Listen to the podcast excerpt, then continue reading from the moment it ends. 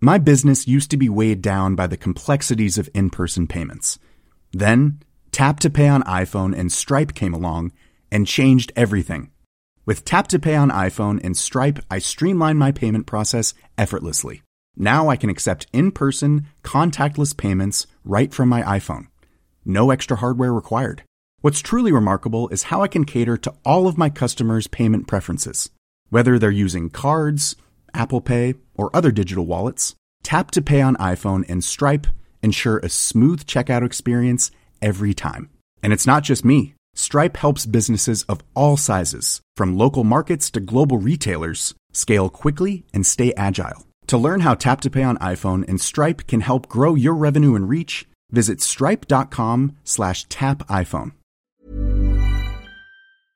Hans Petter og Co. presenteres av Adlink, sannsynligvis Norges beste samling av kreative og positive influensere innen sosiale medier og podkast. Gå inn på adlink.no for å finne frem til den influenseren eller den podkasten som er en perfekt match til din merkevare og publikum nå.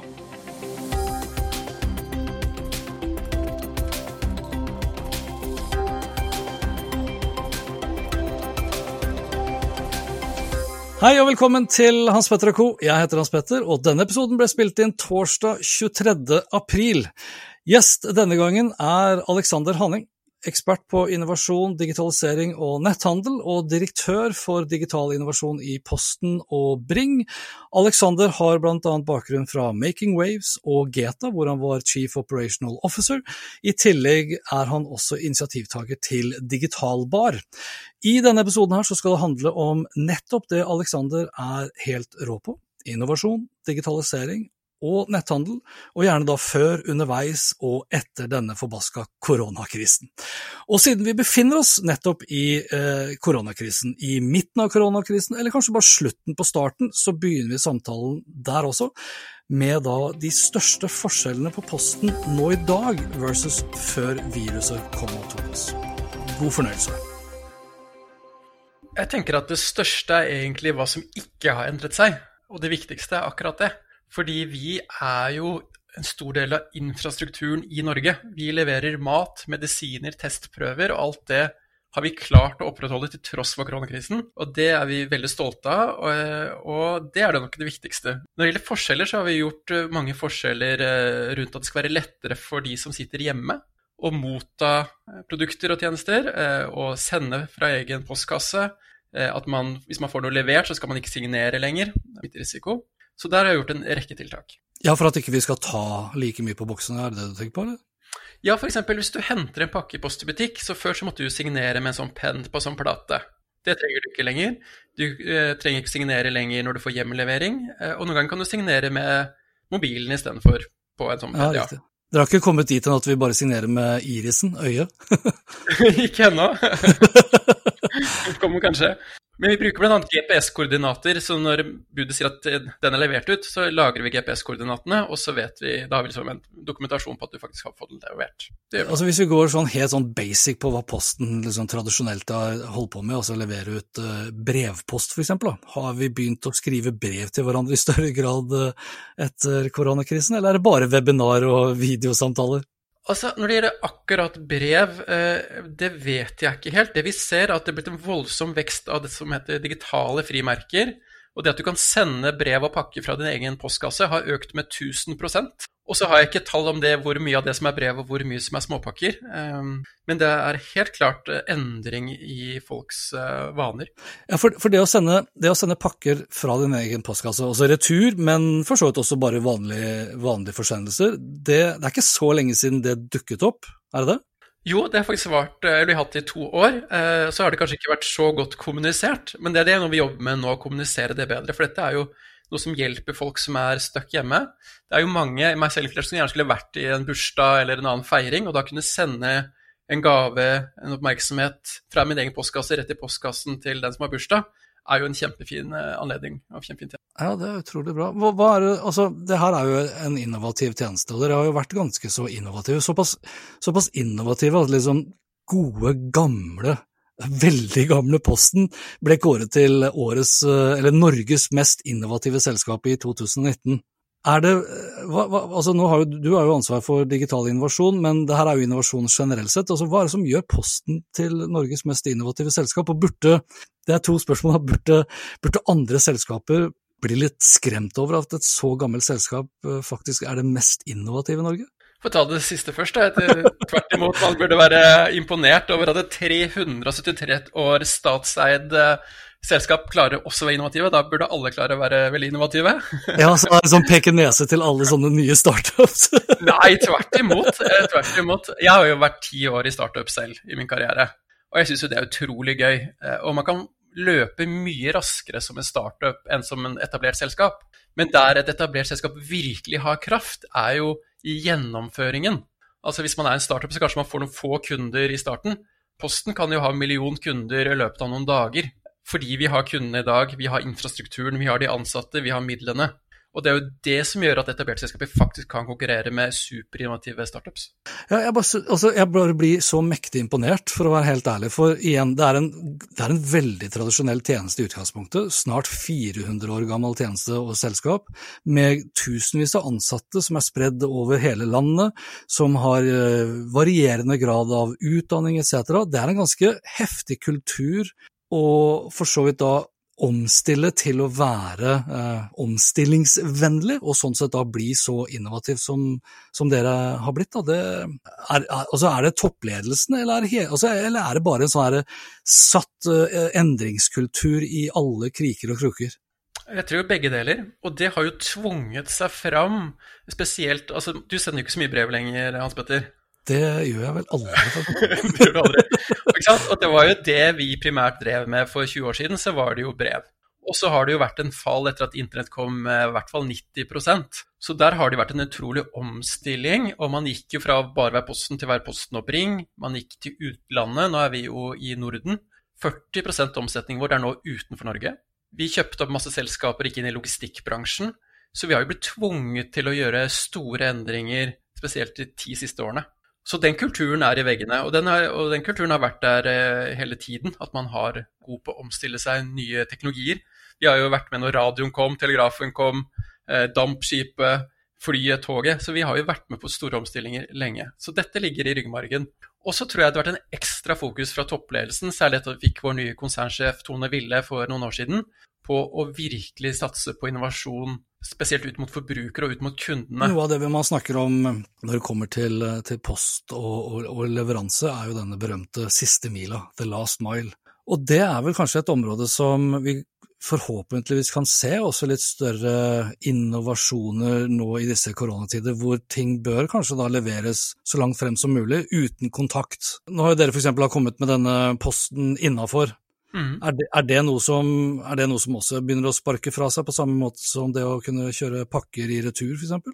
Altså, Vi har hatt en god vekst på den innenfor leveransene fram til koronakrisen. Da måtte vi suspendere det pga. Uh, eh, smitte, eh, naturlig nok. At ikke det går inn i huset ditt når du ikke er hjemme. Uh, ja. Så nå leverer vi kun til, til, døra di. Men vi ser jo andre typer tjenester. Pakkeboks. Uh, altså, det interessante er at vi har jo Black Friday og juletrafikken er jo liksom der det er mest trøkk hos oss. Og så er det litt mer stille resten av året. Nå har vi nesten Black Friday hver dag. Altså, Hvilke typiske aktører er det som det handles fra da? da? Altså Norske versus uh, utenlandske, f.eks.? Nei, Det er fra alle, og folk sitter jo mer hjemme og, og færre har lyst til å gå i butikker og på kjøpesentre. Så vi har 500% økning i hjemlevering. Vi har 50% økning i post i butikk. Pakke i postkassen 250% opp. Nå som Norge vet at norske virksomheter sliter, ser dere noen endring i atferden når det kommer til hvor nordmenn handler pakkene fra? Og så Er vi mer nå nasjonalistiske i den grad man kan bruke det som positivt fortegn? Det er litt vanskelig å si. Vi har jo fått en annen endring midt oppe i koronakrisen også. Det er jo fra 1.4 så har jo eh, denne grensen for tollfritt eh, blitt endret. Så vi ser jo mindre pakker fra Kina f.eks. akkurat nå. Så hvor mye er den nye tollgrensen, og hvor mye som er korona, er litt vanskelig å si. Så vi har ikke noen gode tall på det riktig ennå. Eh, frykten for Amazon den har jo vært ganske stor i, i mange år. Og da spesielt blant norske nettbutikker. Eh, har, har, koronakrisen kanskje blitt en slags sånn hjelpende hånd? For det er jo nå i disse dager så er det jo lite som tyder på at Amazon kommer til å slå seg opp i Norge med det første. De har jo nok med å håndtere egentlig den økte varebestillingen i sitt eget hjemland. Eh, det er det, det er det jeg også ser når jeg går på Amazon for å se hva slags varer det er. Så står det at vi leverer ikke så mye som før pga. koronakrisen. Eh, men jeg tror dette er en sånn oppvekker for retail-bransjen hvor viktig det er å ha en netthandelsandel. Eh, særlig for de kjedene som måtte stenge fysisk butikk. At de fortsatt kan ha omsetning på nett. Ja, for vi ser jo, vi ser jo annet flere flere butikker, altså alt fra frisørsalonger f.eks., som da vet at ok, vi kan ikke klippe håret til folk, men vi kan kanskje begynne i større grad å selge produktene som vi har i frisørsalongen til kundene våre. Og noen av de har jo ikke engang hatt en nettside fra før av, men fått det på plass i løpet av kort tid, og så har de kanskje gått sammen med, ja, nå nevner jeg jo konkurrenter, sånn type Portabuddy og diverse andre tjenesteaktører. Merker dere noe økning fra de fysiske, klassiske butikkene f.eks., som nå ønsker å få levert eh, varer hjem til kundene sine? Ja, definitivt. Og vi har også hjulpet flere mindre aktører med å komme på nett og få varene ut. Men hva, hva tenker du liksom vil komme ut av krisen her, altså fra deres eh, perspektiv? Altså, jeg kan nevne én ting som jeg går og håper skal dukke opp, f.eks. Altså, ordentlig sånne smarte postkasser som, som er kobla til nettet, som kan uh, håndtere alt fra mat som dere leverer, og, og, pakker på en trygg og sikker måte, uavhengig om jeg er hjemme eller ikke. Og, og som er da kontaktløs i utgangspunktet. Ja, altså jeg tror at det, det, som vedvarer etter krisen, det er økt netthandel. Det tror jeg nå mange har fått øynene opp for. Eh, så det, det tror jeg er en vedvarende trend. Og så uh, jobber vi mye med pakkebokser. Jeg vet ikke om du har testet de, eh, en av de 100 boksene vi har satt ut nå? Nei, jeg har ikke det. altså. Nei, Vi har en pilot i Oslo med pakkebokser, og det, de er jo oppe 24-7. De står ute, gjerne på T-banestopp, togstopp, men også tilgjengelig med bil. Og der kan du hente pakka di, du slipper å stå i kø opp døgnet rundt. Og vi har jo gått ut og sagt at vi skal utplassere 2000 sånne bokser i Norge i løpet av de to neste årene. Er det tilsvarende altså Like ved der jeg bor, så er det en bensinstasjon hvor det står en sånn gul, svær boks fra en konkurrent av dere. Mm. Så det er tilsvarende løsning, ikke sant. Jeg, jeg velge, ja, så du velger enkelt og greit om du vil få pakken hjem på døra, da forutsetter at du er hjemme, eller så kan jeg bare si at jeg ønsker heller at det bare leverer til eh, til, til, den bensinstasjonen, og så får jeg en SMS med en lang kode, og så signerer jeg på, signerer jeg på en sånn liten LCD-display, eller touch-display, med eh, min egen signatur og den koden, og så åpner den boksen seg, så plukker jeg bare Ja, men det er enda enklere. Så det vi har gjort, er at vi, eh, per nå så er det en egen app som heter Pakkeboks. Etter hvert så blir det en del av Posten-appen. Og så bruker du bare den til å åpne. så Det er ingen skjerm eller tastaturer sånn på pakkeboksen. Så du trenger ikke å være nær boksen heller, annet enn å lukke døra etter at du har fått ut pakka di. Men jeg må ha med meg mobilen? De må ha mobilen. Det går på blåtann. Ja. Ja, ikke sant. Du, du, det er ikke mange av oss som sier blåtann. Jeg sier blåtann, og ler kona mi ganske Når du snakker om det her med fysiske butikker, for nede på Briskeby, er det vel hvis ikke jeg tar feil, så har vi en sånn butikk som heter Castell. Eh, og bare som en sånn full disclaimer, kona mi har jobbet med Castell, en skobutikk. Og de, de, har jo lagt opp til at du kan gå inn eh, i butikken, eh, du finner fram til de skoene du vil ha, altså du, du, test, du du ser på de forskjellige modellene, og du prøver en sko for at du skal påse at liksom, størrelsen er riktig. Og så bruker du bare en stor skjerm, bestiller, eh, bestiller skoene der og får de levert hjem.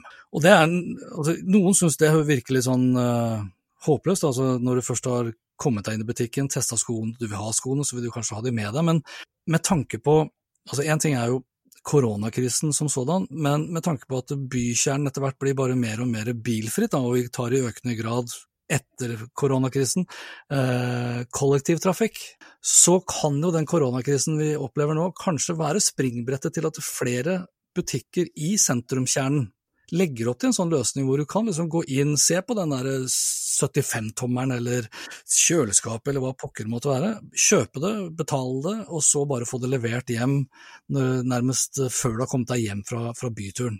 Er det en tjeneste som, eh, som, dere håndterer allerede nå i dag? Altså Hvilken som helst butikk kan egentlig bare signe seg opp for å få hjemlevering trygt og effektivt? Ja, hjemlevering kan alle få, det er helt klart. Eh, men jeg tror generelt sett har, altså Retail-bransjen har jo hatt utfordringer før koronakrisen. Det har vi jo sett. Ja. Eh, og det blir jo enda mer nå.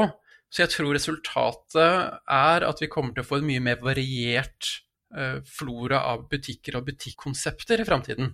Er dette er en av de typer konseptene som kommer. Og jeg tror det kommer til å bli mer på opplevelse. Vi ser jo nå Norøna gikk ut og sa at de hadde kjøpt hvitserk. Og du kan kjøpe en, en opplevelsestur med hvitserk i Norøna-butikken. De snakket om å bygge et hotell i Lofoten. Eh, der kanskje er det mini Norøna-butikk. Jeg tror vi kommer til å si veldig veldig mange forskjellige typer butikker. Så det som vi tenker på som butikk i dag, tror jeg kommer til å være noe mye mye mer forskjellig om et par år enn, enn det vi tenker på i dag. Ja, bare om et par år? Ja, og du ser jo Coop f.eks. har jo dette med den butikken på Majorstua der du kan gå inn om natta når det ikke er noen andre der, og låse på mobilen din. Og så kan du se litt raskt rundt og ta de varene du vil ha, sjekke deg ut, og så gå ut. Sånn type konsepter tror jeg kommer til å bli mye mer av. Men tror du det da, sånn som når du snakker om Norrøna, tror du det blir vanskeligere da for en klassisk eh, butikk som bare har noen agenturer, å overleve så fremst man da ikke legger på da, noen sånne unike, spesielle tjenester da, som kun den butikken har tilgjengelig? Jeg tror ikke det er liksom én suksessformel, jeg tror det er veldig veldig mange forskjellige suksessformler. Og så eh, Jeg har et eksempel eh, i Silicon Valley. Der er det en sportsbutikk som har et kjempefint uh, vindu ut der de viser produkter. De har ansatte som virkelig kan produktene og kan vise deg produktene, men de selger ingenting. Så de blir betalt av Nike, av Northface og andre å ha produktene på display, lære seg produktene, vise det til kundene. Men skal du kjøpe den Nike-skoen eller den Northface-jakka, så må du gå på nett eller en annen butikk og kjøpe. Og de lever da av å få betalt av Nike for å demonstrere produktene. Jeg er litt sånn, er litt, så, øh, hva skal jeg si, altså, litt sånn avhengig av tid, tenker jeg. Altså, hvor travelt har jeg det med å få varen? Øh, det legger ofte, i hvert fall enn så lenge, så har det lagt føring for hvor jeg handler. Så hvis jeg må ha et elektronikkprodukt uh, umiddelbart, så setter jeg meg i bilen og så kjører jeg ned til nærmeste Elkjøpen. Har jeg litt bedre tid, så handler jeg kanskje på Komplett istedenfor. Har jeg uh, et større, bredere behov f.eks., og tilgjengeligheten ikke er til stede samtidig som jeg har det travelt, ja, da går jeg til Amazon. Har jeg veldig god tid og vil handle noe billiggreier, så går jeg til uh, AliExpress. Da, da må du jo belage deg kanskje på en hel måned. Men jeg, jeg, sånn, jeg, lurer på hvordan det vil se ut post koronakrisen. Om, om, vi kommer til å se sånne varige atferdsendringer som følge av eh, ja, som følge av nasjonalismen igjen. Da. At vi kanskje er villige til å strekke oss enda litt lenger for å handle lokalt. Dere har ikke opplevd noen sånne endringer allerede der? Ikke som jeg kan få tall ut på per nå, men det, det har jo vært veldig mye fokus på å støtte lokale butikker og restauranter og sånn, så det er ikke umulig at, at vi ser det og støtter nærmiljøet eh, mer. Men det spørsmålet er om det er en, er det en forskjell på en butikk der du går inn, eller en nettbutikk der det bare er et lager som tilfeldigvis er i nærheten av der du bor? Det er jo et interessant spørsmål. Altså det er klart, Hvis, hvis Komplett kunne ha levert eh, en vare til meg like raskt som det tar for meg å sette meg inn i bilen, kjøre ned til Elkjøp på Ullevål og tilbake igjen, så hadde jeg jo kanskje vurdert det annerledes. Eller om Elkjøp på Ullevål kunne levert det hjem til meg. Men jeg, jeg har, min opplevelse enn så lenge er at det kan ta fryktelig lang tid. Altså, I enkelte tilfeller så har jeg bestilt kanskje varer fra Norge som har tatt lengre tid å få levert hjem enn fra Kina. Det, da kan man jo begynne å undre seg litt over over hvem det er som gjør en god eller dårlig, dårlig jobb. Men jeg tenker også på, jeg tenker også på liksom, for jeg nevnte jo Amazon og AliExpress, og begge to er jo to glimrende eksempler på eh, markedsplasser. Og vi har liksom ikke sett Vi har sett noen sånne spede forsøk i Norge på Komplett hadde en markedsplass-satsing en liten stund. Elkjøp vet jeg ikke engang om de har avslutta satsingen sin, jeg har ikke opplevd at det har vært så eh, stor suksess. Men vi har liksom Vi har Airbnb, og vi har Booking.com, og vi har Expedia og Finn.no og Mitt anbud etc. Vi har veldig mange markedsplasser, men enn så lenge ikke, som jeg vet i hvert fall, noen gode for fysiske produkter her i Norge. A lot can happen in three years, like a chatbot may be your new best friend. But what won't change? Needing health insurance. United Healthcare Tri Term Medical Plans, underwritten by Golden Rule Insurance Company, offer flexible, budget friendly coverage that lasts nearly three years in some states. Learn more at uh1.com. My business used to be weighed down by the complexities of in person payments. Then, Tap to Pay on iPhone and Stripe came along and changed everything. With Tap to Pay on iPhone and Stripe, I streamlined my payment process effortlessly. Now I can accept in person, contactless payments right from my iPhone. No extra hardware required. What's truly remarkable is how I can cater to all of my customers' payment preferences. Whether they're using cards, Apple Pay, or other digital wallets, Tap to Pay on iPhone and Stripe ensure a smooth checkout experience every time. And it's not just me. Stripe helps businesses of all sizes, from local markets to global retailers, scale quickly and stay agile. To learn how Tap to Pay on iPhone and Stripe can help grow your revenue and reach, visit stripe.com slash tapiphone. Mm, det er riktig. Og jeg tror hvis du ser internasjonalt, så ser du at det er én til tre dominerende markedsplasser i alle modne e-handelsmarkeder. Så det er jo noe som kommer til Norge på et eller annet tidspunkt. Men vi har ikke hatt det, sånn som du sier. Komplett hadde jo veldig høye visjoner rundt komplett uh, markedsplass, men det er altså fysiske produkter og det å samkjøre produkter på tvers av leverandørsordninger er en krevende øvelse. Ja, du har jo, du har jo Swish da, fra Schibsted. De har jo begynt da i andre enden. De har, liksom, de har begynt med selve distribusjonen, og så har de da gått inn mot aktører etterpå. Men du må innom hver enkelt aktør for å kjøpe altså Du må bli Swish-kunde, og så må du innom hver enkelt aktør og så kjøpe et produkt, og så velge da Swish som en leverandør. Det er jo sånn, De har begynt hva skal jeg si, de har begynt liksom på fundamentet og så bygget seg oppover. Men jeg har ikke sett at de har kommet opp med en markedsplass. Dere da, som er snart 400 år gamle, og som er tross alt Norges mest innovative selskap, dere skal ikke bare bli en markedsplassaktør? da? Vi har ikke noen planer om det per nå. Um, men jeg syns også det er rart at vi ikke ser Altså, Norden er jo et stort marked. Altså, det det jo, da, da, snakker vi ordentlig størrelse. Og at vi ikke har mer, flere nordiske eh, løsninger. At det ikke er en nordisk markedsplass eller eh, Ja, det syns jeg er litt rart. Vi er veldig sånn Norge for seg, og Sverige for seg og Danmark for seg. Ja, Sånn sett så kunne man jo kanskje trodd at Elkjøp, da, som en del av Elgiganten, som en del av Dixons, kanskje ville vært uh, først ute. Altså, Komplett, var, Komplett, har jo gjort en del satsinger som ikke har slått an, og det er jo fair enough, det. Det er jo bedre å prøve og feile enn å ikke prøve i det hele tatt. Men jeg syns det, det, det, ene året de ga eh, den satsingen, syns jeg Jeg vet ikke, det, det, kan jo være langt mer krevende enn det jeg det er lett for meg på utsiden å sitte og si at det syns jeg var svakt, for all del. Det nærmeste vi kommer, er jo egentlig prisjakt og prisguiden og de nettsidene der du kan søke på tvers av nettbutikker. Ja. Det er vel det nærmeste vi har i Norge i dag, tenker jeg. Ja, men det er jo eh, det er ikke meningen å dvele altfor mye rundt det, men sånn tilbake igjen til USA, så ser man jo man ser liksom veldig så klart og tydelig at når det kommer til produktsøk i USA, så er det ikke Google som er mest brukt, det er Amazon som er mest brukt. Når det kommer til produktsøk i Norge, så er det Google, eller så er det da prisjakt, som du sier. Og så er det da fortsatt ingen altså om, om, ikke det er Posten eller, Elkjøp eller Komplett, så er det jo nærliggende å tenke at hmm, Skipsted f.eks. kunne jo tenkt for det, det, er en annen måte for dem å selge enda mer classified annonser på, f.eks., og lage en sånn type markedsplass da, for fysiske produkter. Men Finn hadde vel lansering, eller hadde vel et tjeneste Finn Shopping, hadde ikke det? Jo, jeg var inne på finn.no i sted også for å tenke nå må jeg bare sjekke hvordan det står til. Jeg fant ikke det som en del av de valgene engang, så jeg vet ikke hva som har skjedd der. Det ville jo stått der, holdt jeg på å si, hvis det hadde vært uh, stor satsing på det. Jeg vet at det, jeg, altså jeg har ikke hørt at de har avsluttet det, men jeg er bare litt usikker på egentlig hvor eh, mye de har uh, satset på det. Foruten pause på posten innafor og uh, økning i hva heter det, levering i postkassa, mm. retur i postkassa, er det andre ting dere ser, ser på, eller andre ting dere har planer om å lansere, eller skal lansere, eller har lansert, som kanskje ikke alle har fått med seg? Absolutt. Vi har en eh, satsing sammen med Coop. De kastet seg rundt når krisen var et faktum, og så at eh, øverst på lista over det folk trenger å få levert hjem, det er jo mat. Og medisiner som nummer to.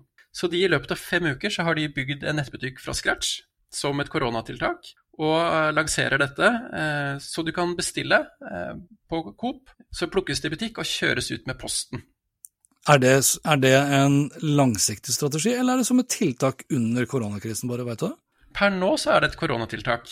Og så ønsker man å levere litt flere steder enn der man kan få levert mat i dag, så at flere kan få tilgang til det. For det er jo en viktig, hvis man sitter i hjemmekarantene eller er i risikogruppa, at man da kan få levert eh, mat og drikke hjem. Men den, her, den, den tjenesten her, den er kontaktløs, som det så pent heter? Den er kontaktløs, og da setter vi maten utenfor hos deg. Ja, Så du ringer ikke på for å sjekke at jeg er hjemme engang, da, eller? Eh, du får en SMS, du får en sporing, så du kan spore på et kart hvor bilen er til hver tid og vite om du er den neste. Og så får du beskjed når den er der, og så setter de utenfor. Så kan du gi beskjed da, hvis, er, eh, hvis, du trenger tilgang til en kode for å komme inn i, i leilighetsbygg osv. Ok, så det er ikke sånn som Nå skal jeg være litt så frekk mot Alexander, men jeg har jo, jeg har jo opplevd f.eks. å få en sånn SMS om at eh, den varen jeg bestilte hjem, den, eh, den, har blitt kjørt til Post i butikk fordi jeg ikke var hjemme. Ja, det, er, det, det skjer dessverre. Um, men det er Det er litt kjedelig hvis det skjer med mat fra Coop, er det ikke det? Definitivt. Så Derfor har du denne eh, livesporingen, så du får en tekstmelding med en lenke til et nettsted der du kan følge leveransen din. Og det er også med sånne kjøleelementer som holder maten, så vi har mattrygghet og selvfølgelig hygiene høyt på, på dagsorden. Men jeg kan få det levert da sammen med andre varer jeg har kjøpt, ikke sant, for levering, eller blir det to, to leveranser da? Nei, det er direkte fra Coop-butikken, så de tar ikke med seg noen noe pakker og sånn. Det blir en annen leveranse. Men burde ikke det, og det er jo ikke sikkert du kan svare på det, men sånn oppimot hele last mile, som enn så lenge da ikke har vært så altså, økonomisk bærekraftig, og ei heller så veldig miljøvennlig i og med at man har så mange aktører, burde ikke kanskje Posten, da, med Postens posisjon, også tenke liksom, hvordan kan vi som en del av mange forskjellige pakkeleverandører, kanskje bygge et bedre økosystem for å samordne så mange leveranser som overhodet mulig. Som du sier, etter koronakrisen også, så kommer vi til å se en varig trend, at vi handler mer og mer på nett. Ja, men det gjør vi også. Vi kjører jo ikke én bil med dine varer fra butikken rett til deg. Vi tar jo med flere pakker og flere leveranser av mat. Eh, og vi jobber veldig hardt med å redusere vårt klimaavtrykk. De siste ti årene har vi kuttet CO2-utslippene med 40% 40 til tross for at vi kjører flere kilometer, og vi bruker mer og mer elbiler. Vi er en av verdens største elbilflåter. Så absolutt uh, miljø på agendaen. Men jo mer folk handler på nett, jo lettere er det for oss også å sette opp smarte ruter og, og samordne leveranser, selvfølgelig. Ja, for dere bruker dere hvis vi skal gå inn på sånn teknologiaspekter, bruker dere maskinlæring, kunstig intelligens og den slags for å optimalisere ruter til enhver tid? Tar dere lærdom liksom underveis for hvilke veier som fungerer best f.eks. å kjøre? Det gjør vi. Og vi har et veldig spennende prosjekt som vi kjørte sammen med Microsoft, eksperter derfra. Som, eh, der så vi på dette når du bestiller i nettbutikk og skal det, ha den pakka levert til en post i butikk. Så brukte vi da maskinlæring for å se på om vi kunne da estimere for når den pakka var klar for henting. Så når du skulle ha den elektroniske duppeditten du må ha med en gang, så kan du uh, gå inn og se, og så putte noe i handlekurven, velge en post i butikk, og da vi, så vi på dataene. Når er det du pleier å hente hos den kunden? Hvilke terminaler må den innom? Når er den blir kjørt ut til din post i butikk? Når er det de på postbutikken pleier å skanne inn pakkene? Og så estimerer vi i sanntid det. Og der har vi et treffprosent på 92% så det er et veldig kult maskinnæringsprosjekt. Det, det, blir liksom deres konkurransefortrinn, det er ikke noe dere kommer til å dele med altså Konkurrenter sier jo seg sjøl at det ikke gjør, men med type aktører f.eks. For, som et uh, fristende innsalg? Altså, Dette er jo basert på tidene som vi bruker, uh, så det vil jo ikke fungere hos en konkurrent. Um, men dette er noe vi kommer til å tilby alle nettbutikker i Norge, så at de kan putte det inn i sin checkout. Så når du som kunde går inn og velger det du vil ha og den postbutikken du vil ha, så kan vi gi deg et mye bedre estimat på når den er framme. Og det kan jo være en stor beslutning når du er i kjøpsøyeblikket, om du skal rekke å få den pakken til en bursdag eller til en fjelltur eller til andre ting. Og det håper vi at det øker konvertering nettbutikkene for nettbutikk. Men er det noe jeg vil kunne se jeg, altså som, en, som, en, kunde av en nettbutikk? Da ser du det i checkouten, og da kan du også se at det er forskjellige Kanskje fra mellom de tre forskjellige postbutikkene du har i nærheten, at, tiden, at den vil komme inn til forskjellig tid. Så kan du si at ok, jeg vil ha den før klokken ti, ja, men da er det den postbutikken jeg bør velge. Eller en pakkeautomat. Ja, eller en pakkeautomat. Eller bare rett hjem, eller hva det måtte ja, være. Rett hjem, det, det, kan, det, er ikke inne nå, men det er noe vi kommer til å utvide med. Ja, ikke sant. Uff, det burde jo komme, ja. Tilbake igjen til den smartpostkassa. Uh, mm. Jobber dere med noen selskaper for å kunne utlevere, altså sette opp, eller i hvert fall gi meg som en kunde anledning til å kjøpe meg en, en svær postkasse som kan stå innafor uh, innafor uh, Hva heter det? Uh, altså inn på min tomt, som kan ta liksom vanlig post, den kan ta pakker, den kan ta mat. altså Istedenfor å ha to postkasser eventuelt nå i dag. Ja, hvis du har, er så heldig og har et hus eller rekkehus eller tilsvarende der du har en liten tomt, så har vi allerede i dag en tjeneste som heter valgt leveringssted. Det kan du gå på posten.no og registrere, og det kan være putekassa di, det kan være en bod, det kan være under trappa. Og så beskriver du det stedet, og når du da handler på nett, så vil vi da putte det oppi den putekassa. Men postmannen vil ikke komme med posten til den putekassa? Postmannen vil Ikke med brev, men med pakker, så vil den det. Riktig. Men ok, så jeg må fortsatt belage meg da på en smart postkasse innafor uh, tomta og en vanlig postkasse på utsida? Akkurat nå så må du det. Og så ser vi også på dette med disse pakkeboksene og putte det. Vi har en pilot nå der det står i borettslag. Da vi har en pakkeautomat uh, i borettslaget.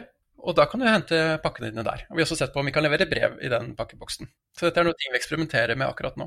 Ja, for det vil jo være genialt hvis jeg har en sånn type, eh, kall det IOT-smartpostkasse, eh, hvor, hvor jeg kan følge og tracke det når jeg f.eks. er på ferie. Mm. Fordi i det øyeblikket jeg har hengt en, en postkasse på utsida ut mot uh, veien, slik vi er pålagt å gjøre nå i dag, så, så er det klart da må jeg jo kjøpe en annen tjeneste for å få den posten utlevert i Post i butikk, sånn at det ikke blir stjålet mens jeg er borte. Det, det, det, ligger litt mindre friksjon, føler jeg, selv om kanskje prisen vil være selvfølgelig da høyere for å få én postkasse. Uh, to serve them all, hvis vi skal prate engelsk. Du skjønner hvor jeg vil hen? Ja, men brev faller jo. Brevvolumene fortsetter å falle. Ja. Så det er jo det som er spørsmålet. Eh, hvor, hvor, opptatt er du av det ene brevet i uka eller to brevene i måneden du mottar? Nei, altså jeg er jo ikke opptatt av det hele tatt. Hvis jeg kunne valgt, så hadde jeg jo bare krysset av i et eller annet digitalt skjema inn mot staten og sagt at jeg vil ikke ha ett eneste brev, verken fra bank eller hva pokker det måtte være, jeg vil ha alt sammen digitalt. Men enn så lenge så er det jo enkelte banker og finansinstitusjoner og diverse andre som har eh, De er vel lovpålagt å sende faktisk ut en del brev i fysisk form og så får jeg en og annen uh, avis, kanskje. Ja, nei, altså, Det er ikke det at du ikke skal få brevet ditt, men hvor du får det hen. Kan det være at du kan hente det på Post i butikk når du får en varsling om det? Kan vi levere det sammen neste gang du får en pakke hjemlevert? Det er jo sånne ting vi, vi ser på nå. Ja, og det, det siste er jo et godt poeng. For hvis jeg hadde fått en varsling når eh, det har dukket opp noe på post og butikk, for det får jeg jo ikke per dags dato hvis jeg, Altså, jeg testa jo ut en periode her hvor jeg da nekta å, å liksom flytte postkassen som sto da ved gjerdet til garasjen og da ut mot veien, for å se liksom kunne det bli en sånn daglig rutine, eller en ukentlig rutine, da. Men det var eh, oppe, på den, eh, oppe på den butikken hvor jeg da handlet matvarer, hvor som, som, var da liksom post i butikken min, så var det jo tre-fire kasser, og de var jo ikke sortert på annet enn når postbudet hadde levert de. Så det, det, kunne jo ta plutselig 20 minutter å gå gjennom eh, diverse andre mennesker som hadde gjort akkurat det samme, før du fant fram til det, til det ene brevet, eh, eller de to brevene som du hadde fått, som da lå inn i en annen konvolutt igjen. Så da måtte det vært en mye smartere, effektiv løsning hvor ja, igjen, kanskje du bare dro opp mobiltelefonen din og så spytta du ut fra en maskin istedenfor at du måtte ha en manuell menneskelig gjennomgang av 300 forskjellige sånne typer konvolutter, for det tror jeg folk hadde klikket av etter hvert. ja. Men vi ser jo det at det er jo en endring nå at folk er ikke så opptatt av brev lenger, men det er jo pakker og få ting hjemmelevert som er viktig. Og det, det er det vekst, og det er det vi har mest fokus på også. Men så må vi selvfølgelig ordne så du får brevene på en fornuftig måte. Og det er klart, det ligger, jo, det ligger jo reduksjon i friksjon, det å få det levert hjem. Og så ligger det vel antageligvis et miljømessig aspekt av å ha én bil som kjører pakker til 500 mennesker, enn at 500 mennesker kjører opp til samme post i butikk for å hente den samme pakka, ikke sant. Ja, en, men det er enda bedre det enn at de kjører langt for å dra og handle i en fysisk butikk, kanskje. Og må gjennom en bomring, eller Det er også vanskelig å få parkering i sentrum. Så det er veldig mange aspekter her, og derfor tror jeg det kommer til å være store endringer i handlemønsteret framover. Kommer kanskje da norske butikker nå til å endelig ta Omni-kanal på alvor? Jeg håper det. Jeg syns jo, hvis du ser til utlandet, så er det jo mye bedre løsning for Omni-kanal enn det vi ofte ser i Norge. Eh, og det er jo synd. Jeg tenker Det er jo en av konkurransefortrinnene norske butikker har kontra Amazon og kinesiske nettbutikker, er jo dette Omni-kanal. Dette kan kjøpe på nett, returnere i butikk. Jeg kan prøve butikken, men så har de ikke det på lager, så da bestiller jeg det hjem. Det er jo det som er hele styrken til norske butikkjeder, tenker jeg. Ja, riktig. Også i hvert fall hvis de da hadde den tjenesten på plass. Men det er jo veldig mange som har det som to forskjellige virksomheter, og kanskje da med ansatte som føler eh, Hvis du tar en kjede, sant, så vil kanskje da eh, ansatte i en butikk føle at nettbutikken deres er en trussel, fordi det ikke går på da deres omsetning, som da går utover deres bonusmodeller osv. Så, videre. så det er jo en del, det er en del eh, terskler å, å, komme seg over der også, før det liksom fungerer sømløst. da. Ja, til det beste for kunden. Ja, og der har jeg sett løsninger, jeg har vært konsulent i den bransjen i mange år også, der man eh, allokerer nettsalg til, basert på postnummer f.eks., til den butikken som dekker det postnummeret. Og da får man uh, aligned interest, man sier det på godt norsk, mellom fysisk butikk og nettbutikk, for det, det er jo, man hjelper jo hverandre. Ja, og, det, og det, ikke minst så hjelper jo kunden, og en happy kunde er vel kanskje litt bedre enn en ikke så happy kunde, som da istedenfor handler i utlandet. Definitivt. Har du noe siste råd for uh, lytterne, hva de bør tenke på i tiden fremover? Skal vi kanskje da tenke forbi uh, korona? Jeg tenker at korona det er jo en krise, og det er tragisk, og det er mange som lider under den, uh, uten tvil. Men kriser er også en mulighet, tenker jeg. Eh, både personlig og for bedrifter. Og vi så det. Det er interessant hvis du ser på SARS-epidemien. i 2003, da bodde jeg i Australia, så jeg var ganske tett på Asia da, at mye av suksessen til Kina, tmall.com, Alibaba og sånne ting, ble faktisk lagt under sars-krisen. Det ble en voldsom økt netthandel i Kina pga. folk satt i karantene. Så tilsvarende så benytt denne sjansen til å høre på podkaster, lese det opp, lære deg ting. Eh, og som bedrifter, se hvilke problemer som folk har i dag, som dere kan løse. Og bruk denne krisen til eh, å være grunnlaget for eh, suksess framover. Og med de glimrende anbefalingene så var det slutt for denne gang. Lenker til alt jeg har snakket om og øvrige innslag det finner du selvsagt på hanspetter.info. Og likte du det du hørte og vil forsikre deg om at du får med deg de neste episodene, da kan du bl.a. abonnere på Hans Petter Co. på Apple Podcaster. Ellers er podkasten også tilgjengelig på Spotify, Acast, Google Podcast, Overcast og TuneIn Radio. Inntil neste gang, vær nysgjerrig, for det er den beste måten å møte vår digitale fremtid. Hans Petter og Co. presenteres av Adlink, sannsynligvis Norges beste samling av kreative og positive influensere innen sosiale medier og podkast. Gå inn på adlink.no for å finne frem til den influenseren eller den podkasten som er en perfekt match til din merkevare og publikum nå. The biggest names in tennis are coming to Paris for the most anticipated Roland Garros in years. Tennis Channel Plus is your place to watch. Stream every court from your phone or smart TV live in HD. Experience three weeks of unparalleled tournament access as the world's top players in tennis face off against each other. Will the veteran champions continue their dominance, or will a fresh face emerge to challenge their legacy on the clay courts? Daily live coverage of this epic showdown begins Monday, May 20th. Don't miss a matchup. Stream it now with Tennis Channel Plus to be there when it happens. My business used to be weighed down by the complexities of in person payments. Then, Tap to Pay on iPhone and Stripe came along and changed everything. With Tap to Pay on iPhone and Stripe, I streamlined my payment process effortlessly. Now I can accept in person, contactless payments right from my iPhone. No extra hardware required. What's truly remarkable is how I can cater to all of my customers' payment preferences.